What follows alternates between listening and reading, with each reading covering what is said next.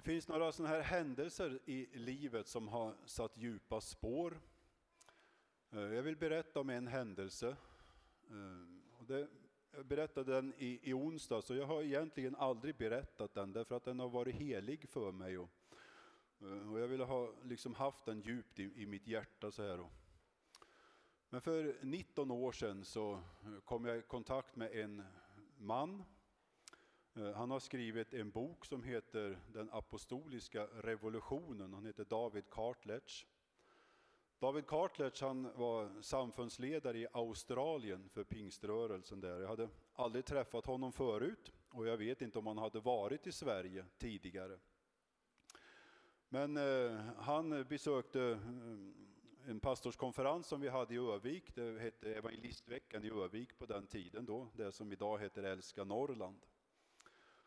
Och eh, vi var ju många pastorer där och eh, en onsdag kväll så var det också eh, offentliga möten så, här, så att församlingen kunde komma vem som helst. Då. Och eh, i den här onsdagskvällen där så bjöds det fram till förbön. Och jag var en av dem då som gick fram för förbön. Och så började han att profetera över mitt liv. Eh, men han pratade ju engelska och ni som känner mig, ni vet ju att jag inte är så jättebra på engelska. Så att jag fångade liksom inte riktigt vad det var han talade liksom in i, i mitt liv. Plus att det var massor av folk och, och ljud runt omkring där jag stod. Och. Så att jag kände mig lite sådär besviken efteråt att jag inte riktigt hade fångat vad var det eh, den här David Cartlets nu då talade in i mitt liv. Men när mötet var slut så kommer det en kvinna som satt uppe på, på um, läktaren i Pingstkyrkan Övik och säger så här, eh, jag skrev ner budskapet som du fick. Ja, det är nästan helt otroligt, men hon gjorde det och hade tagit det som sin uppgift, liksom, att när det kom budskap så skrev hon ner dem och så lämnade hon sen till personer som hade fått dem. Och hon kände inte mig, hon bara skrev på lappen, en man med brun tröja skrev hon. Jag hade en brun tröja på mig vid det tillfället. Och så sökte hon upp den där mannen med den bruna tröjan. Och så fick jag det och det var jättebra för mig att få det. Och det där budskapet, och det här är 20 år sedan då ungefär, för 20 år sedan då hade jag knappt predikat på en utpost. Utan jag hade ju varit där jag liksom var, var satt att vara och så. Men eh, det här budskapet det handlade om att eh, han såg eh, ett otaligt antal kyrkor över mitt liv. Och en massa olika kyrkor och församlingar. Och för 20 år sedan, jag förstod inte riktigt vad det är, men jag tänkte jag gör som man gör som Maria gjorde, Jesu mor, jag tar det till mitt hjärta, det får liksom ligga där, jag begrundar det och, och, och på det sättet bär det och så får vi se vad, vad det bär. Och eh, för er som har följt mig eller känner mig nu så är det ju precis det som har hänt. Va? Det är så enormt många olika kyrkor som har öppnat sig. Eh, och jag tror snart att jag nästan har predikat i alla pingkyrkor i, i Norrland, och i alla fall varit på besök. Eller, jag har i stort sett snart predikat, så det har verkligen liksom skett. Eh, och det har inte så stor betydelse för mig så, utan vad det handlar om och det som jag vill lyfta, det är liksom de här övernaturliga inslagen som gör att församlingen blir någonting mer. Alltså när Gud får vara ibland sitt folk, när Gud får komma med sin närvaro, med sina hälsningar, så har jag mött nu under alla de här åren jag stått i pastortjänst vad oerhört det betyder för människor som får de här hälsningarna ifrån Gud. Jag skulle kunna berätta om många sådana tillfällen, inte bara för mig privat, utan också i olika sammanhang där jag har varit.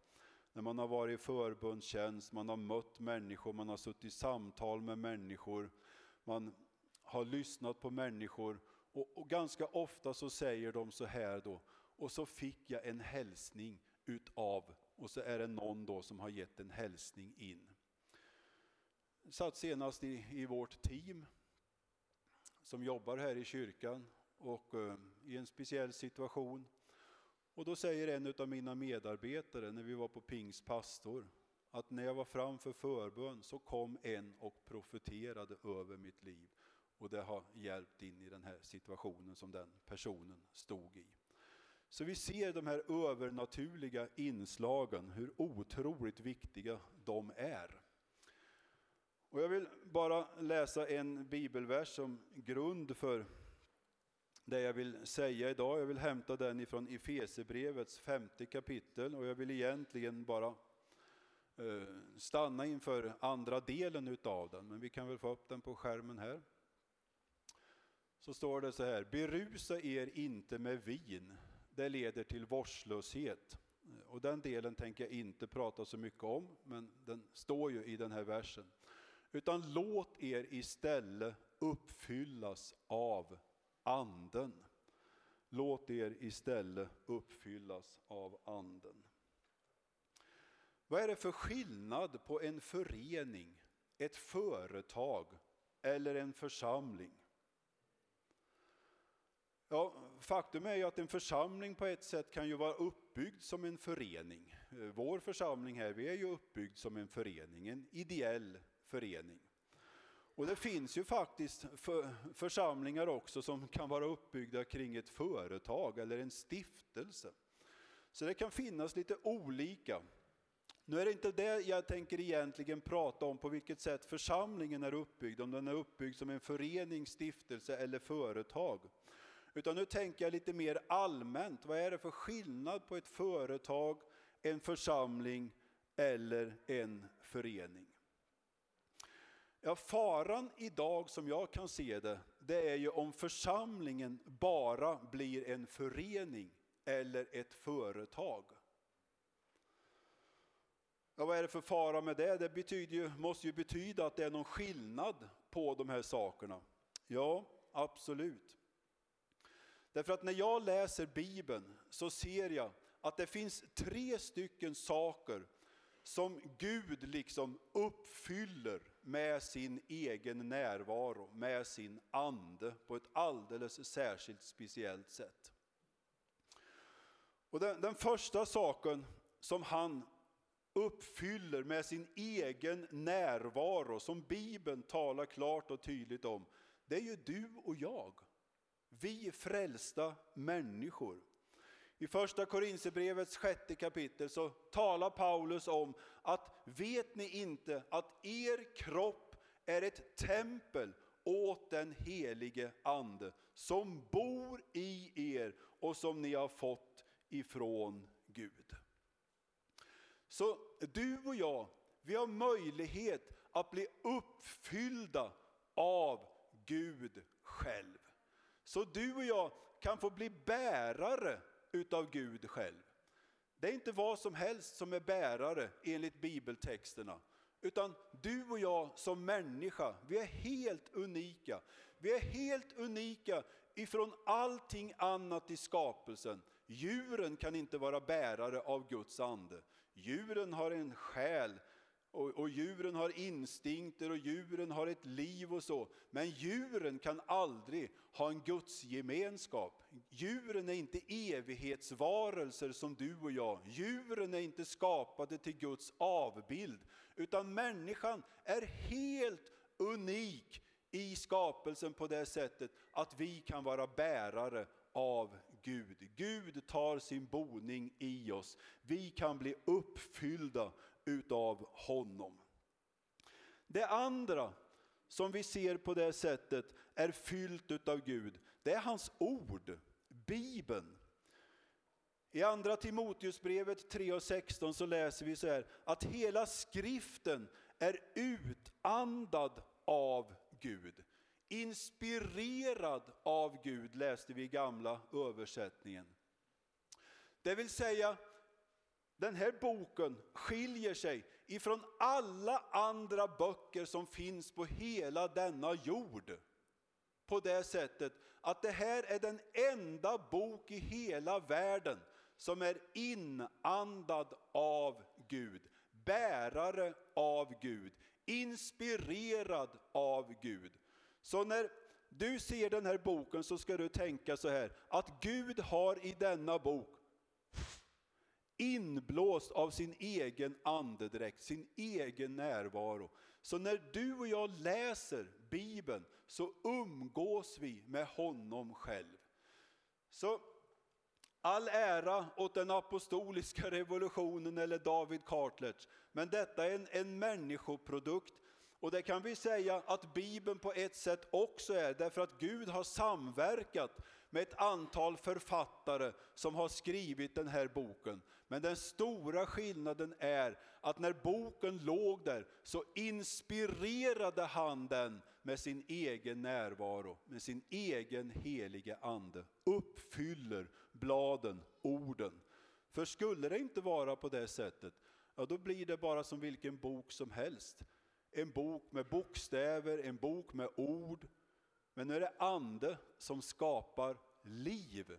Och det är därför det är så fantastiskt när vi läser Bibeln så kan vi inte, behöver vi inte bara läsa utan vi kan få uppleva det som står i boken. Det kan få bli liv, precis som vi hörde den här och sjöng den här sista eh, lovsången här. De döda benen får liv. Så är det. Och det tredje som han säger att han vill fylla, uppfylla med sin egen närvaro. Det första är du och jag, det andra är bibelordet och det tredje är församlingen. Och i Fesebrevets andra kapitel, den nittonde versen, så läser vi de här orden. Det står så här. Därför är ni inte längre gäster och främlingar, utan medborgare med de heliga och medlemmar i Guds familj. Ni är uppbyggda på apostlarna och profeternas grund, där hörnstenen är Kristus Jesus själv. I honom fogas hela byggnaden samman och växer upp till ett heligt tempel i Herren och i honom blir också ni sammanbyggda till en boning åt Gud genom Anden.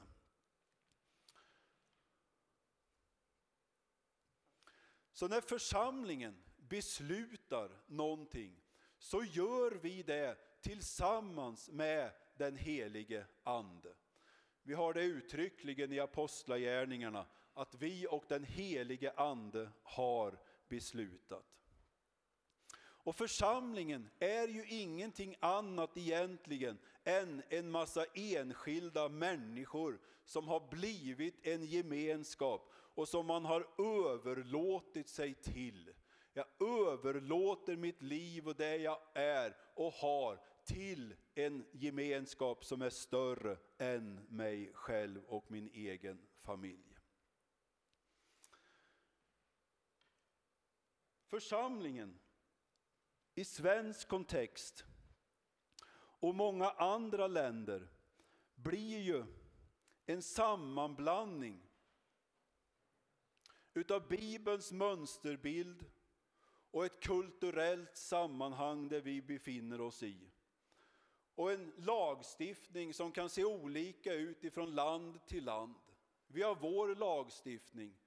Och någonstans i det här landet där vi bygger Guds församling, Jesus bygger sin församling här, så, så ska den på något sätt passa in i det som finns här och vår kontext och vår lagstiftning.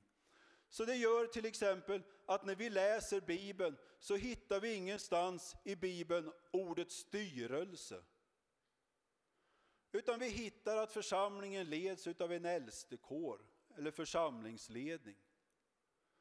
Och då kan man ju tänka sig, ja men är styrelse då så obibliskt? Ja, då har vi en kontext där vi befinner oss i som säger att för att vi ska få vara en juridisk förening så måste vi ha en styrelse. Så vi liksom hittar vägar för församlingen att kunna få finnas här och nu i vår kultur, i vår kontext. I Sverige säger man också för att få vara den här föreningen eller den här församlingen, att få samla in pengar, att få förvalta pengar, att kunna ha anställda, att kunna äga en fastighet som vi gör, så behöver vi ha stadgar. Ja, men vi är ju Guds folk. Vi följer ju bara Bibeln. Bibeln är ju vår stadga. Ja, men vi, vi anpassar oss liksom på ett sätt och vi blandar dessa olika saker och problemet blir för oss när vi blandar ihop begreppen och tänker nu är vi bara en förening och ska bara tänka föreningsmässigt. Eller bara tänker nu är vi bara en församling utifrån bibeltexten och glömmer bort, just det, vi lever i en kontext också. Vi måste förhålla oss till båda de här olika sakerna. Det finns många andra sådana områden i Bibeln också. Jag ville bara lysa ett område som blir tydligt för oss att förhålla oss till i vår kontext där vi står. Och jag skulle kunna nu räkna upp många olika sådana saker. Vi har slaveriet i Bibeln, som du och jag kan tycka när Wilbur Wilberforce kämpade i, i årtionden för att ta bort slaveriet, så kan vi tycka att ja, men Paulus verkar inte kämpa för att bli av med slaveriet. Utan på något sätt så försöker de att bygga Guds rike i den kultur som fanns och som finns. Och vi får göra detsamma. Och jag skulle kunna nämna många fler exempel än det. Men jag gör det inte nu. Så ibland så, så kan det vara svårt, tycker jag personligen, att utröna vad som i Bibeln är befallande text för alla tider och vad som är en text anpassad utifrån den kultur som finns. Jag ska inte gå in på det området, men det skulle ju vara jätteintressant att gå in på området kvinnan ska tiga i församlingen. Är det en befallande text eller är det en kulturell text? Ja, men fundera på det du. Är det en kulturell text? Hur förhåller vi oss till det idag, vi som lever i den kultur där vi står och verkar? Eller är det en befallande text? Ja, men vad gör vi då med den texten i så fall? Vad är summan utav Guds ord? Ibland kan det vara väldigt att det är något bibelord som sticker ut väldigt och man kan tycka det ser så tydligt ut.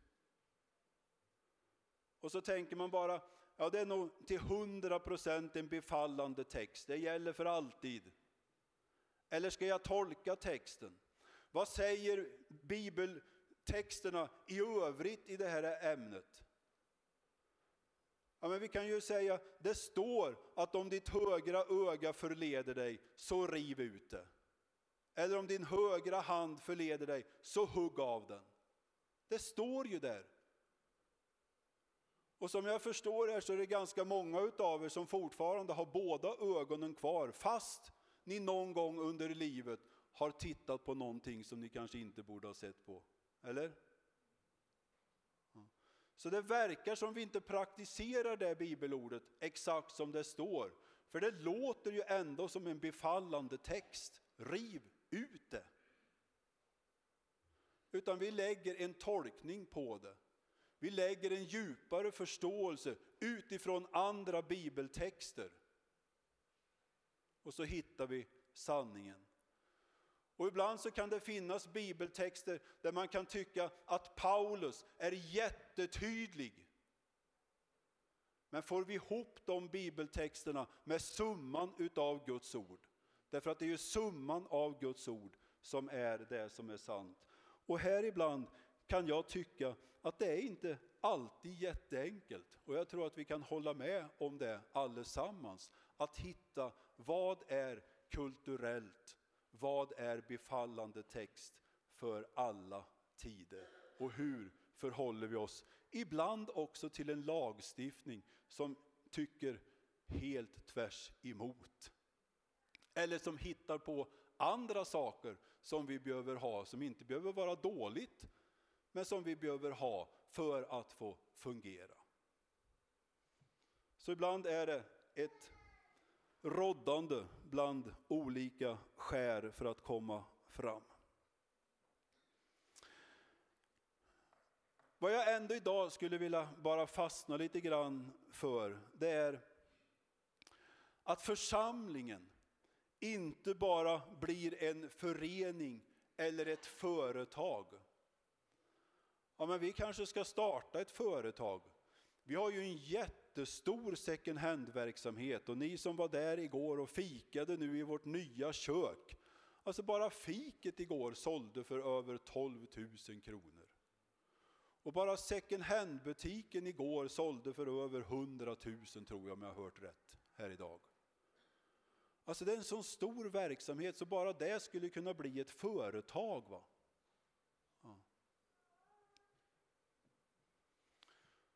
Och när jag ser då det här med församlingen så ser jag att Gud har i sin församling lagt ner olika saker som ändå gör församlingen helt unik i sin konstitution. Och för mig så, så handlar det om andens gåvor, andens tjänster, andens frukter. Andens frukter som har med församlingens karaktär att göra. Och tänk nu på att församlingen, det är ingen annan än du och jag. Det är vi. Kärlek, glädje och frid.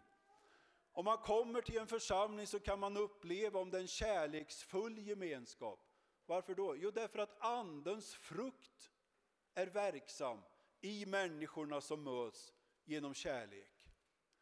I en församling så kan man få uppleva att det finns en frid över gemenskapen. Varför? Jo, därför att medlemmarna, människorna, har frid i sina hjärtan med varandra och med Gud. Andens frukt som skapar vår karaktär, vår helgelse, vår likhet med Jesus Kristus. Andens tjänster, apostel eller profet eller evangelist eller lärare eller herde. Det har ju med hur församlingen och Guds rike leds på den här platsen eller i en region eller i ett land. Och så andens gåvor som skapar det här övernaturliga inslaget som gör att det här är inte bara en gemenskap, det här är inte bara ett intresse som vi samlas omkring, att vi har en, en gemensam, ett, ett gemensamt religiöst eller kristet intresse att få veta mer vem Jesus är, vad Jesus har sagt, vad Bibeln säger. Utan det finns något mycket djupare i det, att vi vill umgås med honom själv som den här boken pratar om och handlar om. Alltså att få uppfyllas utav hans egen närvaro. Att få ta del utav det övernaturliga. Och det övernaturliga får aldrig bli onaturligt, utan det måste vara det mest naturliga som finns för en församling. Att Gud gör under och verkar och fyller människor och fyller gemenskapen med underbara saker.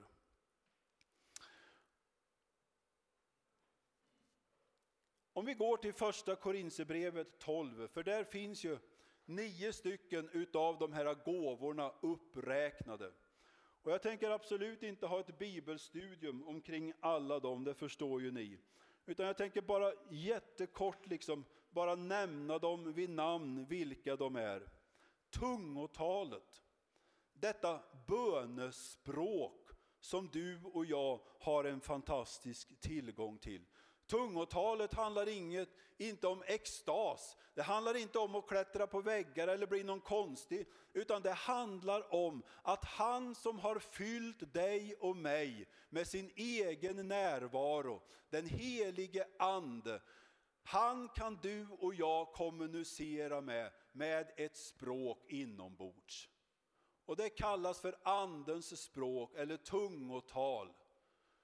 Och det är ett språk många gånger med ord som du och jag inte känner till eller bara så här enkelt kan översätta som vi översätter engelska eller franska eller spanska. Och Bibeln kallar det därför änglars språk eller ett himmelskt språk. Och det är en fantastisk tillgång att få ha det. För jag kan säga personligen så är det att det underlättar min kommunikation med Gud. Som gör att när jag beder så kan jag slappna av på ett helt annat sätt och få använda detta bönespråk. Min hjärna behöver inte vara aktiv hela tiden att formulera och tänka hur ska jag be? Utan min ande beder och använder detta språk och jag kan helt slappna av i det. Och kan få vara inför honom. Sen säger Bibeln att detta bönespråk, detta tungotal kan tolkas ibland, kan uttydas. Och det är en särskild gåva, uttydningens gåva. När jag blev kristen 1982, kom med i Pingkyrkan i Kristinehamn, så var det ganska vanligt faktiskt att den gåvan förekom i, i, i vår församling där. Och det brukade ofta vara på det sättet att det kunde vara någon vän på den här sidan i kyrkan som hade tungotalet. Och man använde det tungotalet för att man visste det här är inte bara mitt enskilda för min egen uppbyggelse, utan man visste att det fanns någonting mer i detta bönespråk. Så man, man uttalade det liksom tungotalet högt så att folk hörde det. Men man hade själv kanske inte tolkningen utav det. Men då kunde det sitta en vän här borta som hade uttydningens gåva och som kunde då säga, jag tror att detta betyder på det här sättet, det jag upplever, eller så säger Herren. Det var lite olika hur man, hur man liksom uttryckte sig. Och så funkade den här gåvan i det som var min uppväxt eller min första tid i, i, i Pingkyrkan. Uh, eh, ja. Tyvärr så, så upplever jag inte det, den gåvan i funktion på, på samma sätt idag. Lika ofta som, som när jag var ny. Eh, vi kan återkomma till, till det. Jag bara konstaterar. En tredje gåva som man nämner är kunskapens gåva. Alltså en kunskap om det som jag inte känner till. Alltså det handlar inte om kunskap om att veta att Stockholm är Sveriges huvudstad eller Göteborg är vår näst största huvudstad, eller största stad. Utan någonting annat, en annan kunskap. Alltså där Gud uppenbarar en kunskap för mig som jag absolut inte har en möjlighet att ha kunskap om. Jesus han använder ju den här gåvan vid, vid, flera olika tillfällen. När han i Johannes det fjärde kapitlet kommer till Sykars brunn och möter den här kvinnan som hämtar vatten där. Jag tror aldrig de har träffats förut, det står då inget sånt i texten. Men då använder han kunskapens ord in i den här kvinnans liv och säger fem män har du haft och den du nu har är inte din egen man. Där ger han kunskap till den här, får kunskap om den här kvinnan. Och de här kunskapens ord leder till att den här kvinnan får ett personligt möte och insikt om vem Jesus Kristus är. Mm. Hon rusar in i staden, går till sina väninnor och säger, jag har mött en som har sagt mig allt, följ med och se. Hon blir överbevisad om vem Jesus är. Eller vishetens gåva som hjälper att hantera våra kunskaper på ett vist sätt så att det harmonierar med Guds vilja. Och Jesus har ju detta också. Jesus är ju bärare utav alla de här gåvorna. Och vi ser alla gåvorna. Den enda gåvan som vi egentligen kanske inte uttryckligen ser att Jesus använder, det är tungotalet. Och, och Jesus behöver inte använda tungotalet, därför att Jesus är ju Gud. Så han kommunicerar ju med Gud. Han gör ju ingenting utan att Fadern har sagt det eller visat det för honom. Så det finns som inget hinder liksom för Jesus och Gud i, i, i, i, i vägen så. Men vishetens gåva, när man försöker sätta Jesus på prov och man kommer fram till honom, ska vi betala skatt eller inte? Vad tycker du? Vi är ju under ockupation av detta romarrike, det är inte Guds vilja och så vidare och så vidare. Man försöker att sätta dit Jesus. Och Jesus fylls av vishetens gåva. Ge mig ett mynt. Vems bild är det? Ja, det är kejsaren. Ja, men ge då kejsaren det som tillhör kejsaren och Gud det som tillhör Gud. Ja. Och så får de liksom gå därifrån. Och vi möter sådana här uttryck hos Jesus gång på gång, gång på gång. Den som är utan synd, den kan kasta första sten nu på den här äktenskapsbryterskan. Och de lägger ner sina stenar och går därifrån. Jesus fylls utav vishetens gåva.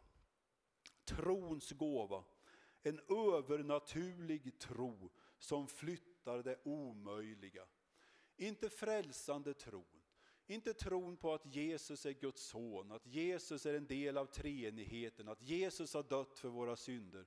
Utan trons gåva som gör det omöjliga möjligt. Om ni har tro som ett senapskorn så kan ni säga till detta berg, upp och kasta dig i havet. Det är inte tron på först och främst att Jesus är världens frälsare, utan det är trons gåva som ett senapskorn eller kraftgärningarnas gåva.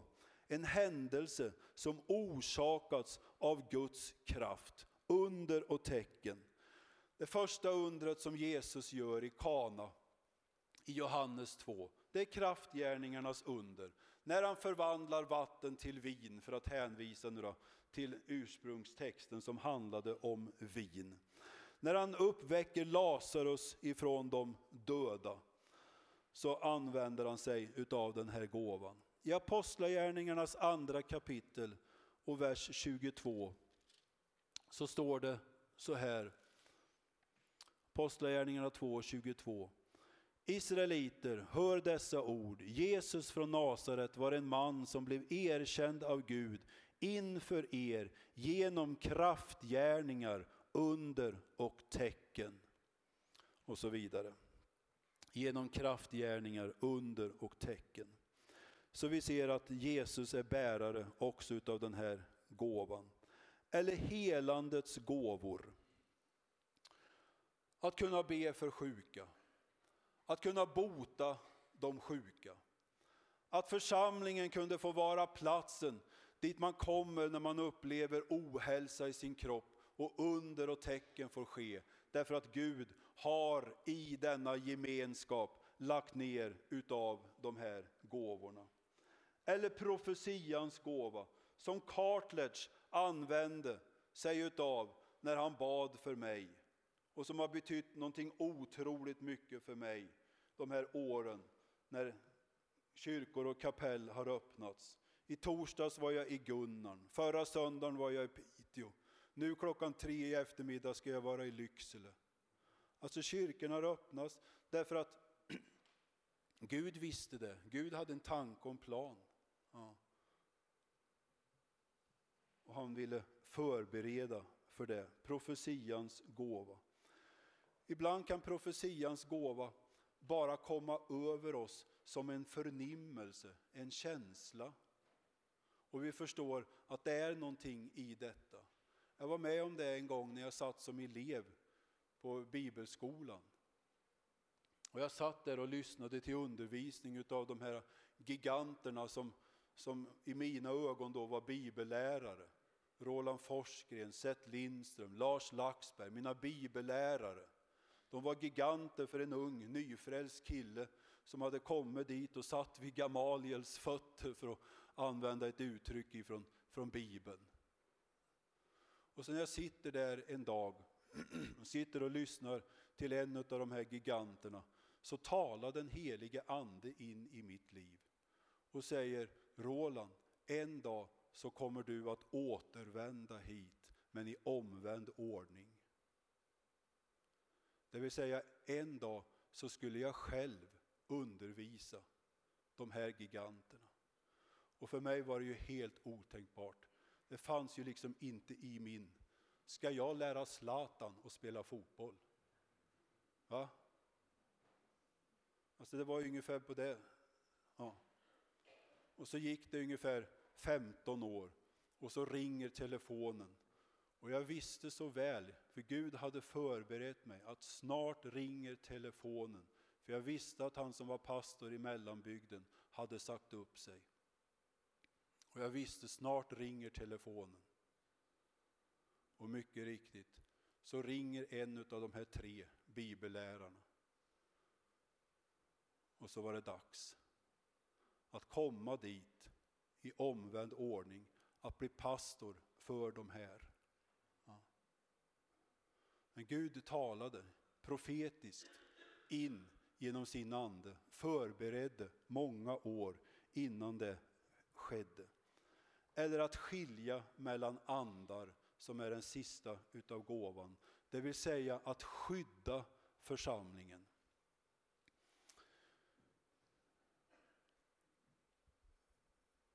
Det blev eh,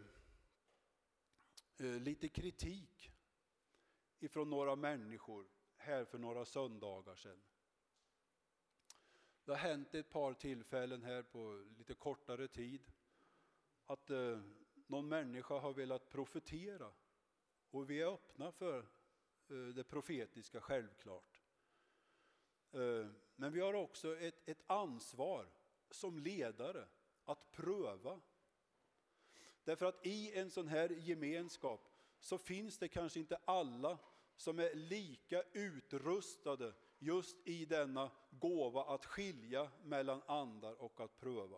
Och därför så tror vi att det finns något sunt i att församlingens ledarskap, äldste, kan få vara de som först prövar innan man släpper fram. Därför att vi tror inte att talarstolen är allmängods för vem som helst. Utan här har församlingsledningen ett ansvar lite för vad man släpper fram och släpper igenom. Och vi tror att det är sunt. Mm. Sen kan äldste göra fel, självklart. Mm. Men det har varit någon gudstjänst här där vi faktiskt vid ett tillfälle stoppade ett budskap. Jag var själv inte hemma vid det tillfället, men det skedde. Och vi fick liksom ja, höra det sen. Vad är detta för någonting? Är det någon ny ordning som har införts? Men vi tror att det finns i andebedömningens gåva att skydda också församlingen ifrån massa olika saker. Och det behöver ju inte bara vara så säger Herren, utan det kan ju vara en viss förkunnelse som vi inte tycker är biblisk och ska gå ut. Så det är gåvor. Då säger Bibeln så här, Salig är den som är fattig i anden. Så det borde ju vara enormt saligt nu om ingen av de här gåvorna är verksamma eller att vi äger dem. Då borde vi ju vara saliga. Eller? Om jag under en vecka inte är aktiv i någon av de här gåvorna så borde jag ju vara salig. Ja, jag mötte ju faktiskt detta i somras när någon var lite kritisk till att nu var det för mycket tal om den helige ande i ett sammanhang. För den personen hade ju läst salig är den som är fattig i anden. Så saligheten låg ju i att inte ha så mycket, eller inte höra så mycket, eller inte veta så mycket. Medan jag lägger saligheten i vissheten över att det finns mer att få upptäcka, att få uppleva. Jag har inte allt ännu. Församlingen lever inte i allt ännu. Och det finns en salighet i att upptäcka detta och erkänna, jag är fattig. Jag slår mig inte för bröstet som en av församlingarna i Uppenbarelseboken säger, jag är rik, jag har vunnit allt, jag saknar ingenting. Utan får slå sig för bröstet och erkänna sin ödmjukhet och sin litenhet och sin fattigdom och sin, sin ödmjukhet inför Gud och säga Gud, du har mycket, mycket mer. Vi har bara fått smaka lite grann utav vad du har att ge. Kom och fyll oss.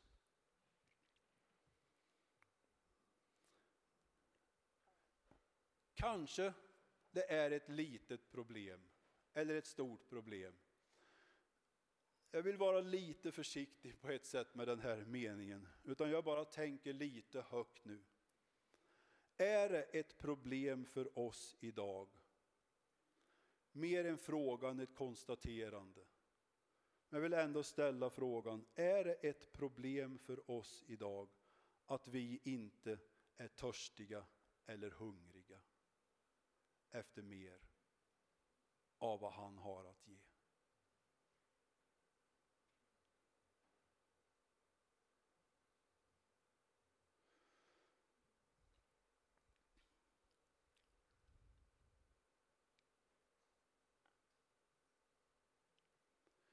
Jag tänker ta en paus nu 30 sekunder. Och jag tänkte att du ska ta de 30 sekunderna och ställa till ditt eget liv. Och jag ställer det till mitt liv, absolut, först och främst. Är jag törstig, hungrig efter mer av Guds gåvor?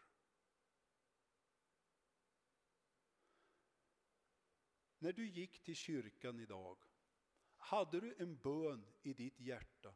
Gud, använd mig idag. Om du vill. Hade du en bön i ditt hjärta? Gud, låt någon utav dina gåvor få bli brukade genom mitt liv idag. Eller genom församlingskroppens liv idag.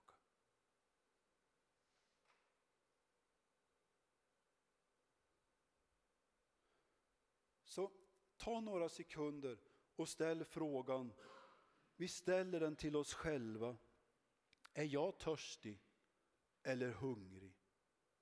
Eller är det på det sättet som profeten sa över svensk kristenhet, att vi har drabbats av apati och håglöshet? För om det är på det sättet, då säger Bibeln att det är ett utav de allvarligaste tidstecknen som Bibeln talar om. Ljumheten, att inte ha olja i lampan, att inte längre församlingen hör vad anden säger, att andens liv har slocknat eller att kärleken har svalnat. Det säger Bibeln är ett tidstecken. Och är jag ett tidstecken?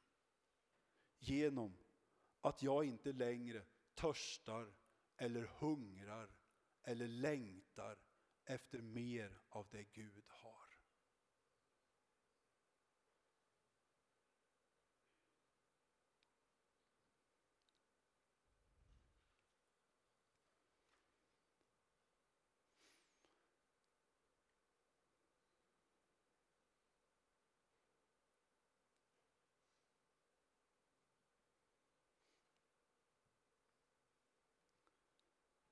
Vi kan inte ta oss nöd, säger vi ibland. Jag brottas lite med det måste jag säga. Jag är inte riktigt bekväm. Jag förstår till hundra procent på ett sätt vad, vad det liksom handlar om. Att jag kan inte ta mig nöd. Men vad är nöd? Är det en känsla som ska komma över mig? Eller vad är det? Jag vet att jag inte kan ta mig någonting i Guds rike. Men samtidigt så, så frågar Jesus, är någon törstig? Det är som han, han hänvisar inte först och främst till känslan, utan till kunskapen, till vetskapen. Ska jag bygga huset hemma så behöver jag ju inte känslan av att Gud ska göra så att jag far och köper spik eller bräder. Idag, jag ska bygga det här huset, jag har inga spik, men jag har inte känslan av, jag måste få nöden över att jag ska åka och köpa spik och bräder. Eller räcker det med kunskapen? Och jag vill säga, jag brottas här. Jag brottas här lite grann. Därför att ibland så sitter vi och väntar på denna nöd i det oändliga, att den ska komma. Men för mig så håller jag med om att vi behöver nöden och, och Gud kan ge nöden. Men jag vill också säga att försumma inte vår kunskap. Att min kunskap när jag blickar ut över mitt eget liv och kanske över gemenskapen säger att det finns mer att få. Jag längtar efter ännu mer utav det profetiska, av helande undren, av kraftgärningarna. Det finns mer. Bara min kunskap säger att det finns mer.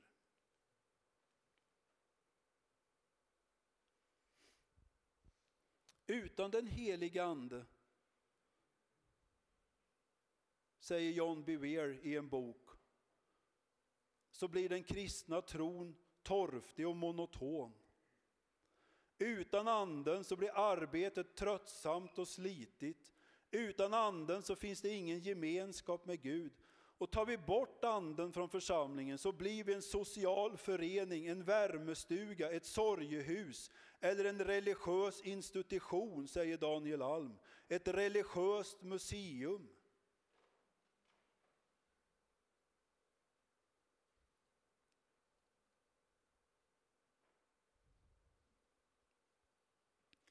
Finns ingen vision utan anden.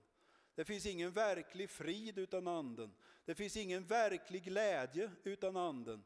Och det finns ingen frihet utan anden. Och utan anden så kommer folk att söka i surrogatet. Jaga efter omoraliska sammanhang. Pastorer kommer man att följa och lyssna till utan karaktär. För att man längtar så efter det övernaturliga.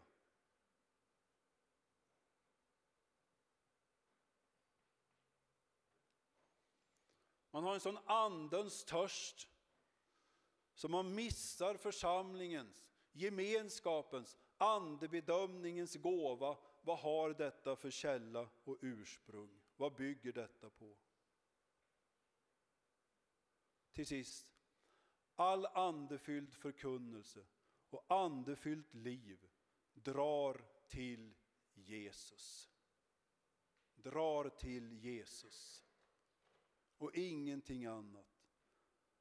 Detta är det karismatiska kännetecknet nummer ett.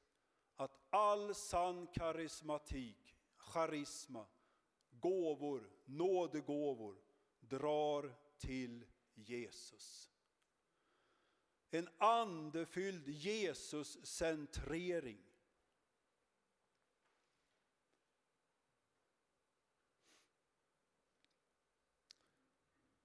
Vänner,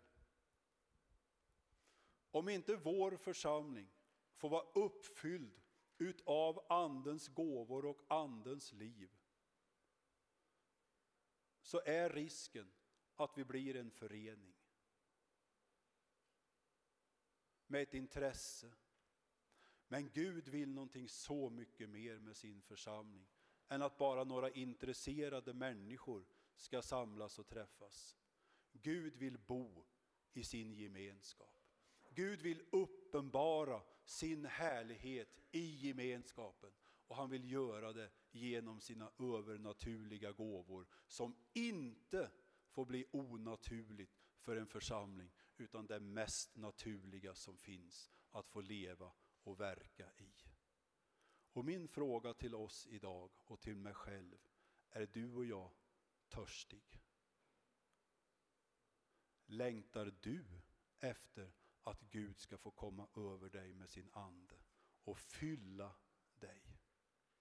Om du tycker att ditt kristna liv börjar hosta och gå lite på tomgång. Finns det en koppling där mellan din och min törst och hunger efter Gud? Och räcker det med kunskapen Sen kommer Gud med sin nåd. Absolut. Men räcker det med kunskapen att veta, jag är fortfarande fattig. Det finns mer. Och jag sträcker mig mot honom. Herre, jag vill tacka dig för att du inspirerar och uppfyller. Tack att du gör det med oss enskilda individer. Tack att vi får vara bärare av dig och tempel för dig. Tack att du har inspirerat ditt ord Jesus, så att när vi läser att vi kan få bli fyllda av helig ande istället för vin Jesus, så är det sant. Tack att du vill fylla gemenskapen med din härlighet. Du vill att tillsammans så utgör vi templet Jesus, så utgör vi en boning för din närvaro. När två eller tre kommer tillsammans så är du mitt ibland oss. Jag tackar dig för det Jesus. Jag tackar dig för den här söndagen. Tack att vi idag på olika sätt kan få ge uttryck för att Jesus, det saknas saker i mitt liv. Det finns mer att få. Vi alla kan få tala i tungor. Vi alla kan få profetera. Vi alla kan få be för sjuka. Tack att du helige Ande, du är bärare utav allt detta. Och vi kan få lära känna dig som person. Och vi kan tillåta dig helige Ande som person att inta fler områden i våra personliga liv och i församlingskroppens liv.